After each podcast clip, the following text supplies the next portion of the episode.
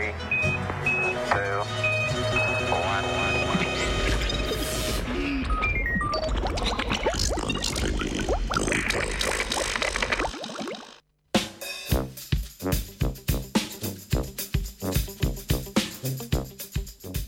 Neponovljivi hajp se rad citira.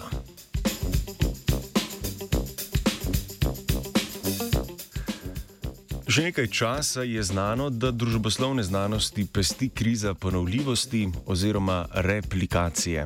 Gre za problem neponovljivosti rezultatov znanih eksperimentov, objavljenih v psiholoških, ekonomskih in splošnih znanstvenih revijah.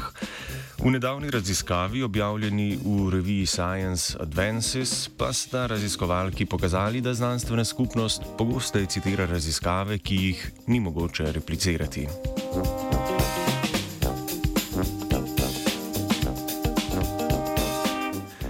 Trije večji projekti so se doslej lotili poskusa replikacije rezultatov družboslovnih raziskav, objavljenih v najpomembnejših revijah psihologije in ekonomije ter v revijah Science in Nature.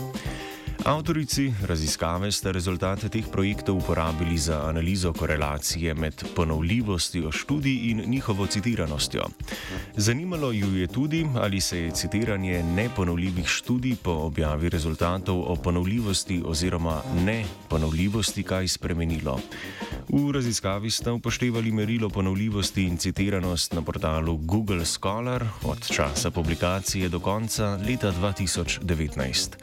Poleg tega sta v obzir vzeli tudi napovedi o tem, katera raziskava bo ponovljiva in katera ne, ki so jih podali strokovnjaki pred objavo rezultatov relikabilnosti.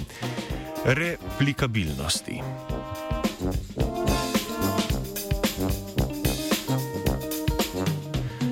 Neponovljive študije so bile, žal, citirane pogosteje kot tiste, ki so jih bili raziskovalci in raziskovalke zmožni replicirati. Razmerje med ponovljivostjo eksperimenta in citiranostjo je ostalo enako tudi ob upoštevanju različnih značilnosti eksperimenta, kot so število avtorjev in avtoric, delež moških avtorjev, jezik, obravnavano področje in tako dalje. Citiranost je ostala enaka tudi po objavi študije o neponovljivosti eksperimentov. Poleg tega je bilo le 12 odstotkov člankov, v katerih so bile citirane primarne neponovljive raziskave, zabeležena nezmožnost ponovitve rezultatov.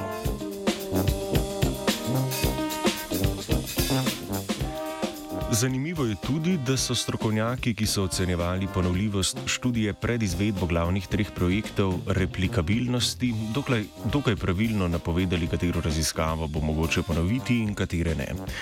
To pomeni, da so bili recenzenti in uredniki pri sprejemanju raziskav za objavo bolj popustljivi kot strokovnjaki, ki so oceno podali neodvisno od postopka recenzije.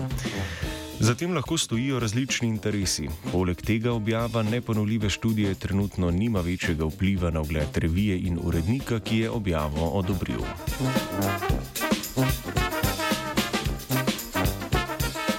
Citiranost je osnovno merilo, ki se pogosto uporablja za oceno vpliva in dometa določene študije. Avtorici v diskusiji zapišete, da imajo recenzenti študij morda pri zanimivejših eksperimentih nižje standarde ocenjevanja. Poseganje znanstvenikov in znanstvenic po spektakularnih raziskovalnih rezultatih pa ni zelo presenetljivo, saj se akademske karijere v trenutnem sistemu gradijo na številu citatov. Eden izmed potencialnih pristopov k zmanjševanju učinka zanimivih rezultatov na recenzentski postopek je recenziranje zasnove študije še pred pridobivanjem podatkov.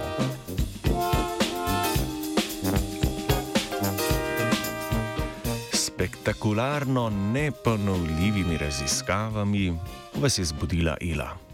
Three,